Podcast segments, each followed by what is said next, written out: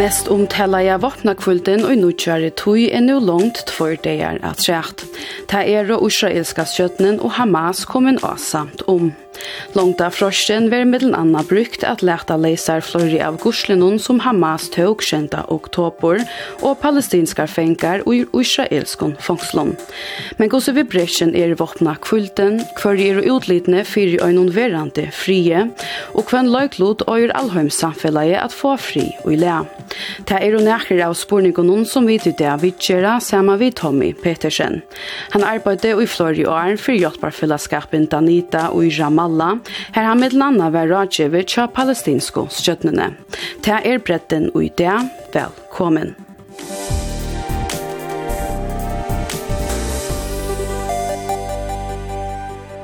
Våpna kvulden mittlen Hamas og Israel byrjaði og i farn og vigo. Våpna kvulden mittlen Hamas og Israel byrjaði klokkan 5 okkar tog i morgon og værar i fyra tider. Og i avtalene om vapna og er mitt land og sett at guslar fra bavon sujun skulle letas leiser, og at lastbilar vi nei hjelp og brennjevne skulle sleppa inn i gasakairan. Og i morgen skriva flere milar at første lastbilene vi brenner evne er og farner og marsna lije i Rafa og inn i Gaza-geiran. Samme det er, sier Peter Viggo Jakobsen, lektare av Danska Verjo-akademien ved Danska TV2, at våpnakvulden var tetjen om at atlanen til Hamas er få alt til samfunnet eller til at trus av Israel er stegget og alle noen hver etnast. Våpenhvilen er uttrykk for at Hamas er lykkedes med sin militære strategi, som er at få det internationale samfund til at presse Israel til at stoppe kamphandlingerne, fordi de humanitære lidelser er for store. Omvendt så har Israel en stærk interesse i at den her udveksling skal lykkes. Ikke mindst fordi alt tyder på, at der er amerikanere blandt de mennesker, der frigives øh, i den her bølge. Og derfor så ved de godt, at hvis det mislykkes, så vil USA blive meget utilfreds med dem, og det er den eneste rigtig vigtige allierede, som de har. Men leislertingen er August Lundjek ikke som atlan, ta Hamas den 25. november, gjør de av at utsetta leislertingene av israelskon Guslund som annars var avtala. Hamas vil være vei, Guslund er ikke være, la sier at Guslund er ikke laten leiser, for en Israel fylgjer synoparti av avtalen om å løyva hjelparflotning inn i Gaza og ram. Øysene legger palestinske ivergangsfellesskaperen Israel under ikke at halte avtalene om hvert fyrfengar skulle letas leiser i byte vi guslarm. Og israelska kjeldur viser ötlun attor og sia er landet nokta for at det var brått i avtalen av våpnakvöldena som kom i gjelte i Jara morgenen. Men i Jara var fyrste amerikanaren leislaten. Ein fyra år gommel jenta som hever vært gusle til Hamas og i holdt trustier er nå leislaten. Hon er fyrste amerikanare som er leislaten så gjerne våpnakvölden mittlen Israel og Hamas byrjaie.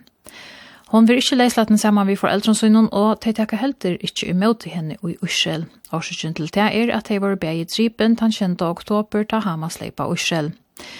Hevas foreldren i dripen er nå leislatna gentan og et prekk for på av åpna kvulten og i Gaza virkar som atla, sier amerikanske forsetten Joe Biden. Vapnakvulten som byrja i 24. november skulle være i 4 dager, og i det er så statt søgnaste dævor. Sambars BBC er og til avbendigar om at Hamas atler lunja våpna kvöldna og at Ushelsi fortsetsraren Benjamin Netanyahu har sagt at han kanskje for at jeg under vi hesson. Til sier han at Ushel framvis ikkje har sleppt atlanon om at øye Hamas. Hamas.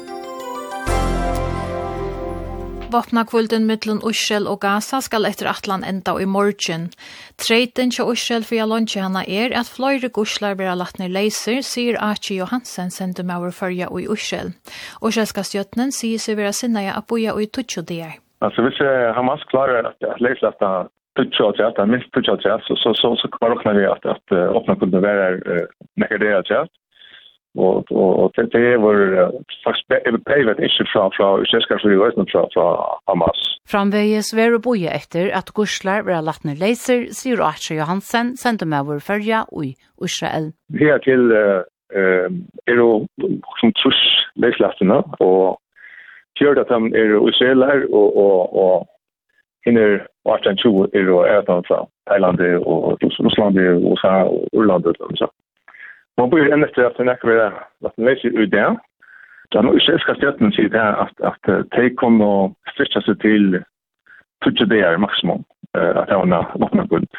Men det är mest så att, att, att Hamas ska läsa minst 20 eh kusla om det. Kan som till sagt av Latin eller inte inte jag har sagt av Latin att det att Hamas ska utrotas då men men här är baskar östen så för det som det som man att att säga alla fall det är att att så så att Hamas ska ändra rösa sig. Hamas vill ha vapna kultna långt där. Märker till att Hamas är färdig att likvast. Det kan man nog imma säga att det är färdig att likvast för att att det så stora folk mig så så så är Israel bomba råttla nekk inn i Gaza, og har parten korsfall, og, og Hamas her menn er, er jo livet fast ut tondlene, og, og, og man kan vant at, at, det tar igjen likveier. Øysene Jens Stoltenberg, NATO-eianskrivare, høyte i jar av Hamas og Israel om at lunsja kvultna I call for an extension of the pause. This would allow for much needed relief to the people of Gaza and the release of more hostages. The suffering we have seen underlines the need for a lasting political solution og i jar vær våpna kvulten langt vid Føymund døvon. Hette er annars fjore dævor og så stat søgnaste dævoren og i våpna kvultene. Men nu våttar Otanrujtsrøy i Katar og Hamas at våpna kvulten vær langt vid Føymund døvon, skriver Tøyndaståen Reuters. Avtalan om våpna kvult bær mellan nøyser at fløyre lastbilar vi nøyhjelp skulle slippe inn til tår 2,4 millioner uibrikonar i Gaza.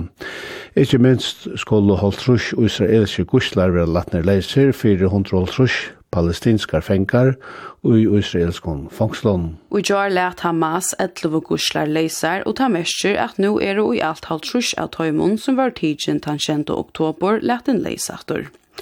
Høas våpnakvulden er langt vid tvøymon døvun er ivasamt om en langt våpnakvult for å føre til en avværende våpnakvuld, sier Allan Sørensen, korrespondentur i Miestre og i Gjørskvalde jeg ser med interesse på de to dage, altså forlængelsen af, af våbenbilen i endnu to dage, og det kan måske føre til endnu en forlængelse efter de to dage på, på måske to dage mere, sådan at vi får samlet, havde vi først fire dage, og så får vi fire dage mere. Men jeg tror, og det er den måde, jeg tolker Israels udtalelser, både den politiske del af Israel og også militæret, men også mange militære analytikere, de siger, at Israel vil blive nødt til at genoptage landoffensiven for at presse Hamas mere end de har presset Hamas i forvejen. Og det er jo så måske det scenarie, vi møder på den anden side af den her øh, våbenbil.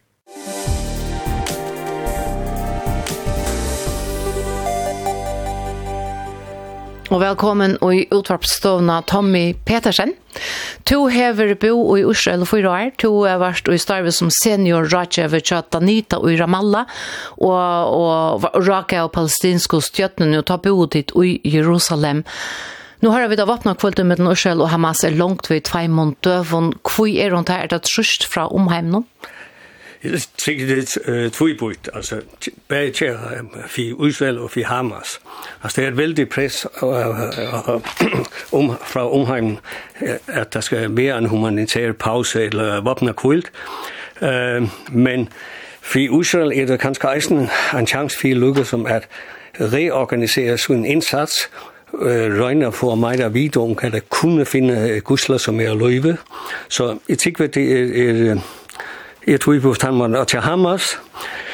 Det der bruker det sjål, man har det presset til at øh, få en, en bedre presse ved at øh, tage kvinder og bøtten og læslætter, tage øh, folk, som har arbejdet her.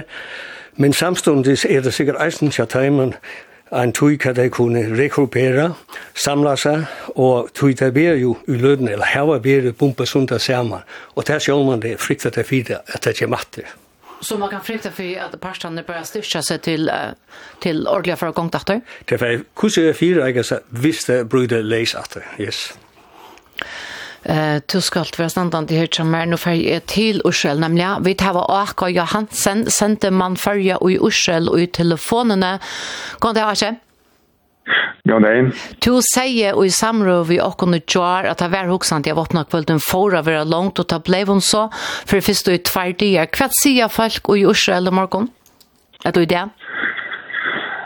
Eh, det är så mycket lätt för att uh, få fler eh kuslar åter, men som du säger här så manglar en 100 trus som som vi alltid en är inne i Gaza. Och nu ser jag att att att det var för långt det är två dagar men kanske det var för långt långt. Eh eh sen ändå till att att blinken eh am kanske åt det så chamber eh vet jag för tre fyra i Amana eh i Israel så jag ska ta så vi vi vi israelske myndelagere og også palestinske myndelagere om eh, til dømes at, at, at få eh, oppakkulna lopp til lærdagen, og også om tveisatløys, og også om eh, Arena Mikkel, så at, at, uh, at det krutsis eskalera til Grønland i Østene. Og, og det virker som om at i hvert fall här som jag kom från Tel Aviv och norra Tel Aviv att att Jehan Sam Naklonta är är som han var en klutje så han vi vi ett land trauma som är rörs ja men men uh, men det ska som gång det kommer efter korsfall inte lugna men men men Naklonta korsfall. Jeg vil spørre deg, altså ikke mer om Blinken, du nevner at han kommer her, og er det så en maver som ombor et land, ganske som særlig er, er sammeint, er det en maver som lort av er etter her? Og i Israel, ja. Og her og i Israel faktisk er også at, uh, mest som, som uh, den større vinneren, og, og som har vant til at Blinkan, uh, for at uh, ta sånn til, eller argumentere fire, til er retten til Israel at, at uh, att välja sig men så hon det efter alltså alltså lågomnes ja Og til, til absolutt nekka man lort etter, ja. Ikke bare eh, blinker amerikaner, østene eh, europeere, østene, ja. Det er yes. Og da han fra som tveistats løsjen, er det uh, nekka chanser? Det är det som vi diskuterar faktiskt i morgon tror jag att uh, här kommer väl nekvar imiskar utmeldingar alla möjliga från från det från från um, Assisi ur ur Jerusalem det är en Abbas nu ur Mr. Orbaka och här appa sier det at, att att vi dette blir vi kritisk på en måte, så faktisk nesten då eneste så det till en enstast lösning her, i Palestina och Israel för samme retten til i östern som det är Israel och och västra Europa och Gaza så jeg vet inte hur jag lägger bästa knappt att Lucas här på luften nu just i att gå i morgon så tills jag vet Nei, hva blinkan fer på Sjurvijan, det tar vi testa fratta mer om setten i vikne. Men to bors i Tel Aviv, sjolvor, men erst stator norrar i landen og nu nærentes Haifa. Landet er ølja løyte. Kjennes det som til lengtmiddelen her som to erst nu og så Gaza? Eh, det gjør det faktisk, ja. Eh, men ta færre nærre til, nå bygger vi akkurat 4 kilometer fra eh, norra marsjen i Gaza. Eh, uh, man kan säga nu er jeg bare nå nesten uh, 200 km bort. Men det synes ikke så lengt allikevel til, til land det er helt ute det är Lutsnek er støtt stad uh, Jylland Det er helt mye øyemarsk. Så populationen kan man säga hon har är där samma kust i land så det är faktiskt nog sött att komma nu kvar det bara halva annan kilometer norrut men men det viskar som om man är fast mycket långt bort från från jag vill säga, de stora problemen, självt om, om det är stadt vi har legal. Just så. Du säger håll annan kilometer, du menar håll annan timme, säger du med telefonen i Schweiz, nej? Ja. Och först kilometer från Tel Aviv och ner till Gaza, är det, hur känns det så ta? Är känns det att vara när pardonen? Eh, det gör det faktiskt, ja. Jag tror att eh, Og som sier at alarmen for gang til nekka føresne, og pluss til at ta krydse være på at det Pakistan, det første vikten er at ta hardt man faktisk østene det er jo som foreslåtter sin lengt borster, men, men bare på det da og følger det østene. Det bomber brosta, men så ja. Archie Hansen, to ersta av en noen fonte oppe beint vi Haifa, og jeg har finnet lakka til ut av to fonten og nesa løtene, og takk for det. Jeg skal leta det slippe inn etter, men kan jeg spørre deg at enda, hva vanta deg, eller hva vanta tid for at hente kommande igjen Alltså jag vant i kors allt nu tar blicken kommer att att öppna kunde vara långt till uh, läraren. Och men att om det som uh, Tom just säger så så så så är det simpelt inte vita men hvis hvis uh, vattenkulpen inte vill uh, inte vill långt så så kommer så vant att att det vi ja eh fortsätta att creature men uh, det vill nog inte Takk fyrir du av Jakon Arch Johansen sendte med vår førja i Israel, beinleies ur Israel. Og Tommy Petersen, du er til kvetsi, du har du akka sida at så kunne man uh, råkna vi eller øktast at, at krutje prestro at vi fotlar styrkje? Ja. Jamen, det tykker vi nok så realistisk, men som sagt, det kommer an på, på at kunne pasterne øh, føler presse nu her, så kommende dagerne, kunne ikke det samstapper i vel, ikke? Kommer der knap bliver en klippe, kan Hamas ikke halda avtalen, eller Israel ikke halda avtalen, og prester det så sammen, uten at nærke kunne støtte. Det vet man ikke. Så har det også, man skal huske uh, om den tredje fronten, som, som er kommet i uh, området nu. Uh, Vester Årbakker, Det er ikke av tilvilt at man høyre om nekva sammenbrester her nu mellom uh, israelske herren og, og palestinenser, men det, det er kommet er at settler nu ujerne langt tuja skal organisere herva lobe og øh, bygde til palestinensen, og de herva egentlig skulde IDF etter alt og lov som okkupasjonsmakt beskytter øh, palestinenserne her. Men det er jo ikke hent. De påstande kunne se, er at IDF, altså USA-ska herren, nærmest beskytter sætlerne, tar ud af Jerhez og opp av palæstinenser bygde. Og der sjovende 11 til palæstinenser, så at det øger alle opp av settler og andre som er her fra Israel. Det er aldri, man skal ikke ivesutja. Nei, her er nekve trobleikar som synes og løslig. Ja. Og talfronten kan bli en nek mer besveilig inn og bekjempe Hamas og i Gaza som et lydelig område er at halda uh, at, at bekjempe Hamas som jo eisen er øyelig skjøndig og vester ordbakker. Det kan være nek verre. Uh, Heini Skårene uh, var i brettan noen for Tutsjo Døvon Sujane, og han sier ta såles, lett dere høre det. Men det er kanskje utlitt for noen, homa, noen pausen som man tosser om, altså at, at man uh, teker noen time out for at djeva følt noen uh, uh, en stekk fra en rævleik noen, og for å få neisen jeg inn og så, da tar det er, det er ganske utlytt for tog, men ikke for en mer trygg for våpenakvult til verre. Heine Skåren helt ikke at det var utlutt for tryggvar, mer tryggvar, eller tryggvar våtnakvult. Ta vidt fyra og hessa sendingen og joar, ta vant av vidt, eller ta, ta stå i korsen at han skulle være, han skulle enda i morgen og ble så atter langt, og, og som hoksa at hon verer det mer langt, kan man huxa sig att vi tar oss oss inte om det att Crutcher fair ageras uppåt räckvisligare i attan av öppna kvällarna när hon så änden där. Jeg halte man kan huske seg alt fra tog at det faktisk vi en langre uh, vapnakult, uh, kanskje ikke frie mittenpasterne, og så til at det vi en øyelig stuttan, og en dag brester ser man at det. Jeg tykker at hvis man ser på hva ser for en gasige bare i Israel og Palestina og i omhegnen, um Så er det øyelig imisk hva det er med, og de fleste eh, vigengar er det nesten umulig at folk ikke kan forhindre. Vi tar det her en skårende sida. han kallar det humanitäran stekk. Vi pratar oss om det her i morgen.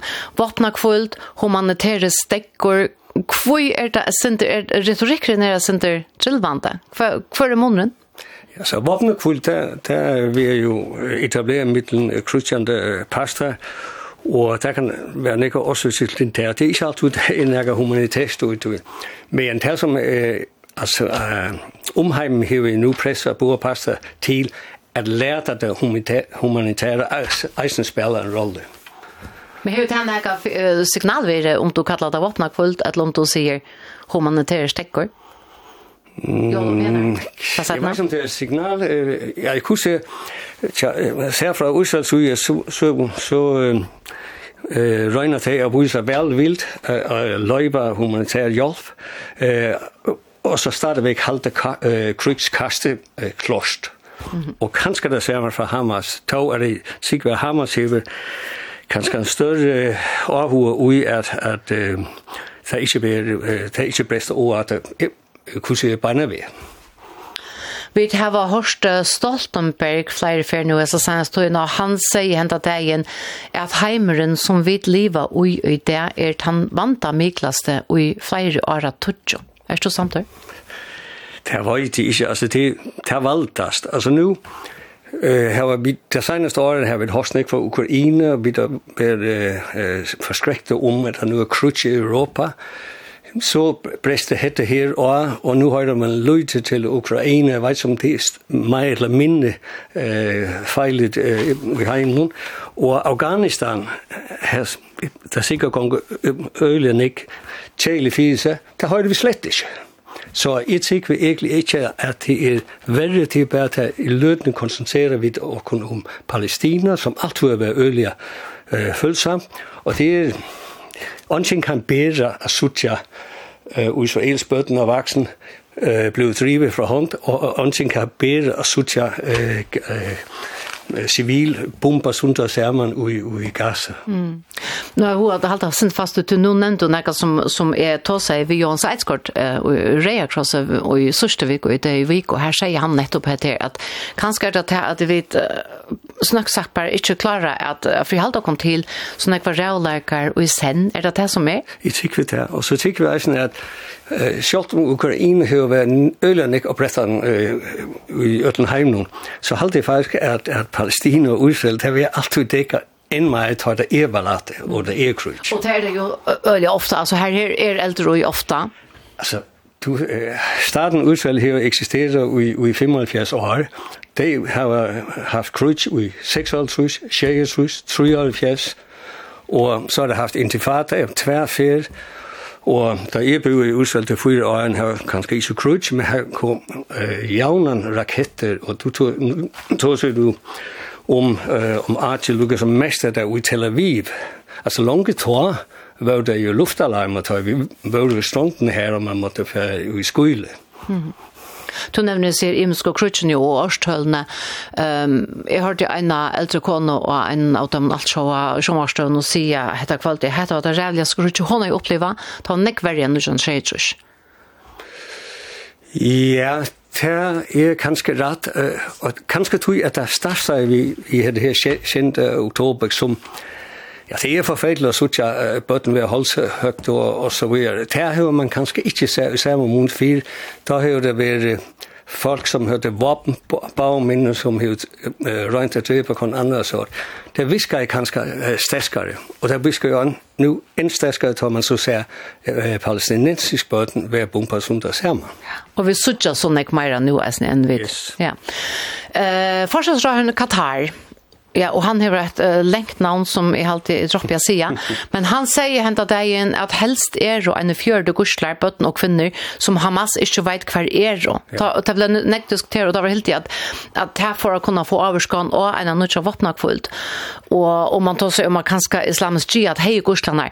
Men och i en samråd med Joar hva vi FC-korrespondenten til Kristel Dagblad Allan Sørensen, at han iveist og om nekka overhøver og just nere. Han helt kanskje at tala talan vær om taktikk fra palestinska sjøy og at nevne heva to som er sa fjøre kveld om det. Ja, han er sånn som, som vi møtte da i mitt i USA, han er ved her nekkar, så han har sikkert et godt nettvæsk. Og man kan godt uh, huske sig, men man kan også godt huske sig, at Hamas rein faktisk ikke hevet styr på alt, for det første har det vært bomper uh, nu i en måned, Øh, og vi der vidt at jihad og unge eh fellesskab at selv har været aktiv og gjort det til eisen kjente oktober. Det kan være ret, som man siger, men det kan eisen være at Hamas lunge som regner at sætja og drale, vi siger, jamen vi ved ikke akkurat hvad det er så vi kunne ikke sige nækker, vi har. Og så skal man minnes til, at at de 100 trus gusland som man heldig start, heldig, heldig stadigvæk er her, Her er en pastor av dem, det er israelske hermen og kvinner, og politister som er tingene. Og vi vet fra, fra eh, forstående at Israel legger ølene, ikke bare herre, men eisende folk som legger ølene stort inn på at vi lærer omgang litt etter. Kvist i dag eller livende. Så jeg sikker at han røyner at at pressa eh, opinionen eisende i Israel. Og er det ganske, det er nok ønsken som er i at Hamas ikke hever en en svel smurta kruksmaskiner som Israel. Er det ganske tørre at heimene bruker er snilder? Der kunne man huske, fordi det første har mist øh, nek folk nu, og man højde om, at Israel øh, har dribet nok så ikke, at der er lejer, så der må afviske, at der er måde, der fungerer på. Så ja, det, det kunne godt være, i i vi. Ta i talan om krutsch og, og ikke minst det her, og i hessen økken om, ta er det ofte at man fer at tjekkast om hver sympatien tja om heimen noen er. Heine Skårene sier nærke om hetta eisen senest sentingsene. Nei, det er, det er nok så klassiskt um, at, at sympatien var øyla stor i fri Israel, ta vi aluppe, atan og aluppe, ikke minst tog at Hamas selv har dokumentera så vel vi eh, body cams og, og altså man, man har haft en interesse i at dokumentera hva man har gjort da, at, at flere av hessen ivgangsmannen hadde kamera og sunnen cholmon og kroppen og sånt og det har skapt en øyelig sympati, men at Sverige har vært så, så ekvislitt at uh, sympatien eisne koppar, uh, og man sitter sporene til vi kvæt er et proporsjonelt attersvær. Kan man utrota Hamas utan eisne at tøyna til, altså til at neiers følts i Gaza? Og alle åpne av flere sjukerhus i Gaza-gården hever først visserne ikke var en kritikk. Er det just det som Hamas vil? Eh, till nästa som bender at Hamas eh, tilvita för krutch och i civilen och brukar skolar och sjukhus och uibora bygningar och så vidare Ehm att föra krutch mot Israel och och ett annat ställe vill det allt annat vara självmord. Ja, visste du ut av, ut av eh, Ja, och så ända hjärta. Sympatin vär står vi Israel, säger han i men att då Sverige vär så äckvisligt att sympatin koppar er, är det samtidigt? Uh, ja, men jeg har færd sendt det til 6. oktober. Hver Hamas halvkloss som Heinreisen skriver vil dokumentere hver det gjør det, selv om det er altså, slakta uh, kvinner og børn, Uh, tog, og her taler det jo ikke til omheimen. Da taler det til det palestinske folk, her nek stoler dem ut her som det gjør, gjør det her til matyre, men tar det øh, reaktionen som kom fra omheimen. Da skifter det taktikk, og sier, nei, det passer ikke, og så blir det, og vi drøyner at, at jeg tar hånd om Russland, og så blir det. Ta drøyner det at ta seg til omheim om at jeg nå viser eh, seg å være, hva skal man si, den vinnerlige passen, og det er Israel som nu bomber alt som det er sammen. Så jeg halte ham, og Lykke haft et dubbelt ændre mal, da det så at øh, om, øh, omheim øh, reagerede så hast, så skiftede det øh, taktik. Vi tar eisen hørt om, om alle på sjukhusene i Gaza, og det er vel også ångsvekkende rett vi at Hamas går med seg her. Er det et tilbud krutt for Hamas at bruke sånne mål? Det er det særfrengende som mener at de egentlig ikke tenker seg sånn ikke, at det lukker som ser som et enda å skærpe eh en en kritik eh av Israel fordømmelse av Israel om det rätt det kan man ikke vite. Altså, boer pastor du er jo uroksale vel at fremstille henne som tar ønta. Ja. ja. Er hever Ursal framvis ens gå eller la sterskan stål fra hennes samfellan hon helt som over? Ja, formelt her, da vi kunne hitje på hvordan Nordland reagerer, det Fredriksen, og Blinken og, og Biden og så videre. Så vi, vi året hele her, men vi har jo også samståndes at uh, tøj, det har sagt her, så sier det, men det er for kærligt her som fire ganger, og vi højner Stoltenberg nu. Så altså, jeg har det ølige dubbelt, Ja, vi stoler dem, og der stoler USA, stoler dem i eisen ved våpen, og våpen med i. Men jeg halder at, at Omheim uh, kan næsten ikke bære det. Så det brøytest? Om det brøydes, øh, hva skal man si, og, og kryssskoleplassen, det var det ikke, men, men i, i, i milen er det vi brøydet, brøydes. Stemningen, motor. Jeg kunne si at det som folk sier, uh, det er ikke sikkert at, at amerikanerne har brøtt støve til uh, hvordan det blir stole i Israel, men det lukker som det blir bleita i det året vel. Netanyahu har sagt flere ferier at enda målet er framvis at utrodda Hamas etter et arbeid som skal gjøres liot, sier han enn for første vik. Men men goss goss fert her at fert til at etnast honon at la Israel og for kvam prus. Eh på lång sikt fick vi inte at, att Jimmy Lucas alltså it it it vi viste uh, disten, eller krutche vi tidigt upp att nu att han vapnar kvällen. Så får det sikkert at, at, at det dreper uh, fra hånd uh, og pumpa hammer sundt sammen, og så vil det sjovt til veikere og der, tar vil det tage tid til at, at, at komme opp at der og, og være en uh, strøyende kraft. Men man glemmer så stadigvæk, at det kommer nye rekrutter til uh, fram iver om noen år i Gaza, og samståndig, så, som jeg sier i Janne, det er en tredje front i Vest-Europa som nå øyelig viser seg, og man skal ikke glemme at det er ikke Hamas-folk her. Det her var en organisasjon her, som ikke på samme måte er blevet bumpet av, av israelerne, det kunne det ikke, øh, rent faktisk.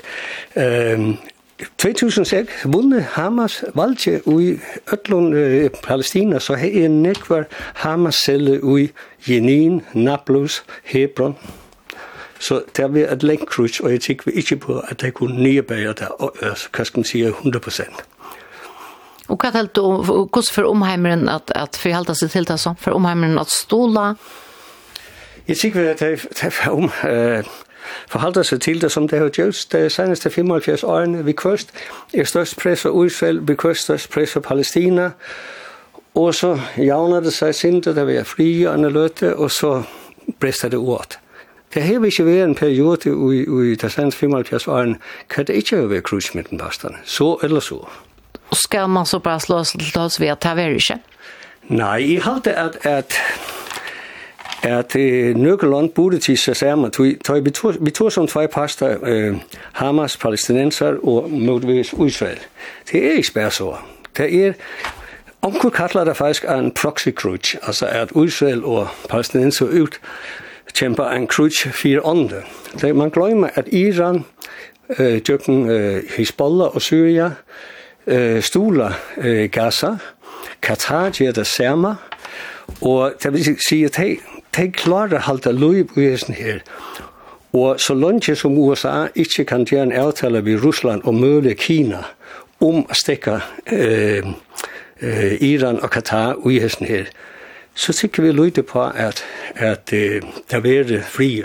De landene kunne kanskje eh, stekke der. Vi, vi sier nå at Emiratene, som er Emiratene og Saudi-Arabien vil gjerne ha fri, du det er trøyt av skulstoler, en palestinensisk stat som ikke hva skal man si, å føre fire studier så sitt egna øde til pastvis eisne årsak av okkupasjonen fra Israel. Så her er en trend hver det er røyne å få det steka, men det vil ikke steka så langt til ståvilden, ikke gjør noe vitt, det er helt sikkert. Nei, men tar du sier noe langt bort ikke sammen, tror du på det? Hva? At, at det er langt er færre at det kan sammen og, og røyne å løse disse konfliktene? Det har vi ikke just det fyr, det er jo bare spalt vi er, uh, tvås om hvordan forferdelig alt er, og så som sagt, fortsetter det ved at sende det roligt, og så kommer det opp at... Jeg tror ikke, jeg sutter at det bare nu, men hvis det vil, og slett ikke er en støve, at Rusland er i krus i Ukraine, og vi uh, kritiserer øyelig av Vestlandheim fit her. Så jeg, jeg må si, jeg er der på besigtig, men, men det er, eneste løsning er sutter på det, på lang sikt. Mm -hmm. Men uh, NATO-elskriveren, han er samtidig, han sier nemlig at det er nøyot å finne noen politiske løsning. Ja. Og så er det jeg å spørre at du har to som det sendte, men er det nøkker utlitt fire tog? Løsene?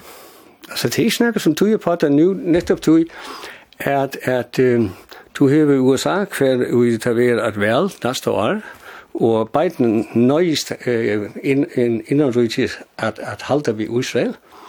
Uh, og Putin, han har samme problem, han har problem i Ukraina, Og han er ikke hur hjelp av amerikanerne, at russer er jo eisen interessert i, i mye, så det er jo øyelig aktiv i Syria. Så kunne ta på sida hver vi synes å lære om igjen uh, henda rikvann av falskjøen for at ripen her i Østnom? Det er pensjen fyrt, og det er store veltene har vi jo omgått vi har ringt vi at ignorera hvis det var folkemord her og folkemord er, altså, jeg mener, Afghanistan, eh, Irak, Det har det klarat att att leva vidare vi.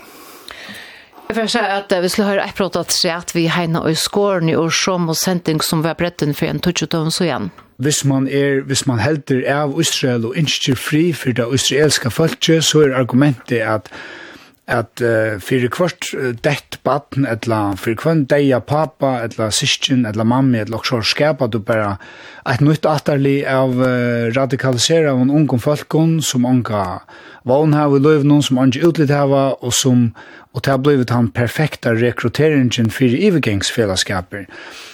Og, og det er det som um, Jeg halde eisen er en samleidje at det finnes ungen militær løsjen, det finnes bare politiske løsjener, de fleste krutsjene, de vil ikke avgjøre av vivøtlenen, de vil avgjøre rundt om et forhandlingsbord. Sjående slæge av vivøtlenen er avgjørende fire styrkestøvene rundt om et forhandlingsbord, men, men uh, frier kommer ikke... Um, eh, omvägs krutch till er omvägs förhandling og ta kräver en permanenta lösning av Palestina-konfliktene som er, vi kom för 100 år atter, vi kom faktisk för 2000 år atter, hvis man vil. Vi tar at uh, Heiningsgården sier at det her uh, argumentet vi at det kommer et nytt atterli av radikalisera av en ung og jeg hos byrja hva et annet kan komme bort ur ord i to høyre om smabøtten for gamle jenter som sørger for eldre enn jasser være holdsøkt og drypen hva kan annet gjøre enn frost, frustrera i folk som halda fram av krutjast? Jeg halda ikke, det kunne være sagt, når Peter og Heine gjør det nu, og jeg halda ikke, man skal bytte mest til, at vi kunne være 100 år i tøyene, vi kunne være 2000 år etter i tøyene. Pasterne kunne, hvis det vilje, alt vi finner argument for, at de har den rette løsningen. Og den rette løsningen er så ikke kommet inn? Nei. Arvid enda, Tommy, jeg har hørt at nevnda senter om at her vi retorikken noen, og jeg halte at det er et senter særlig fire krutje her nere og i tog øst noen, hvordan man kallar tingene, og om man kallar en spekar for en spekar, eller også helt anna. Og, og vi tar så vi synes om at vi våpner kvult, humanitære stekker, Jeg husker her er sinter, ta jåra sinter imes, ta satt nere sinter penare. Det er skrivet en av greina tjar, og det var om gurslar, så tredje gurslarna, og det skriva jo tredje mindre årige, og det skriva jo ikkje bøtten. Hvor er det for, for å underlett at ta som typen bøtten? Jeg tykker at det avviske er jo at ta i folk uttaler seg, bare politikere og andre fellesskapet, Ta er det øle bænkene fire ved tisen til indtægt for palæstinenser eller Israel. Så regner det alle togene, men Så må Summa har den til tæk stå støve fire eh, andre pasten, men så er det alltid det røgne at, at mye eh, måle, så løs at Israel også ekviselse, hvis det nu er meida til palæstinenser eller meida til Israel.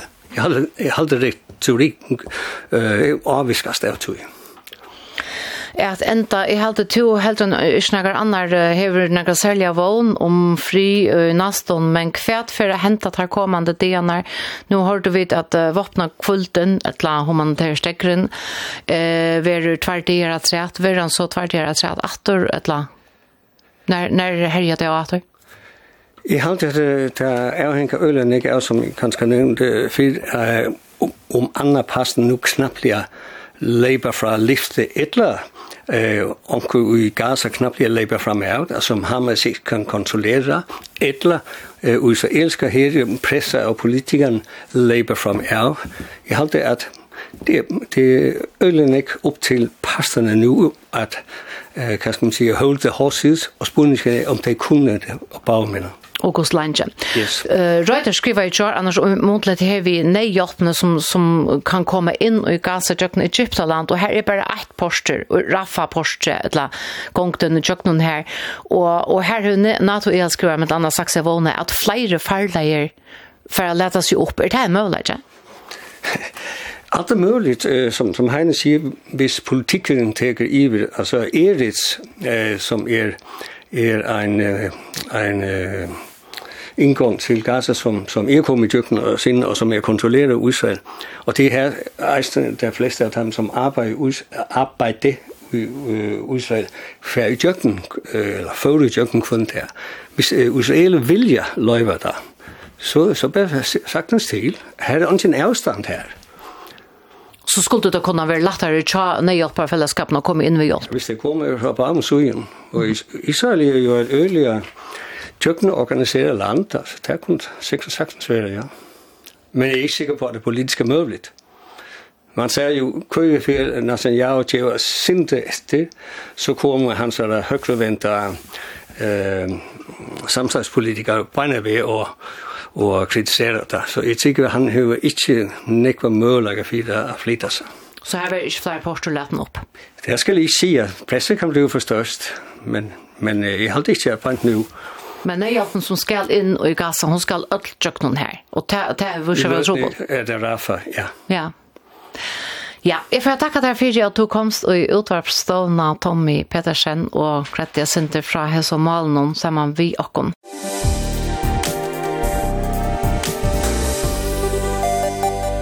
Og hetta vært her som vi tatt og oppretta noe nytt det, og men han løft å være kjent en tøk som pottvarsp og eisne av heima så jo okkara kvf.fo. Bretten vil eisne endur sendur etter tøyentene og nåttra. Hei du vi mersingar til sendingsna hos gått til evne eller kanskje et prei, takka vi feien um måte, send okkon en teltepost og bretten kurla kvf.fo. Og bretta redaksjonen i der var Elin Winter Poulsen, av Avrena og Birgit Karina Eliasen som som eisne var redaktører. Teknikere var Rune Estor Lui. Vi er rett ved en som bretta i morgen klokkan 12.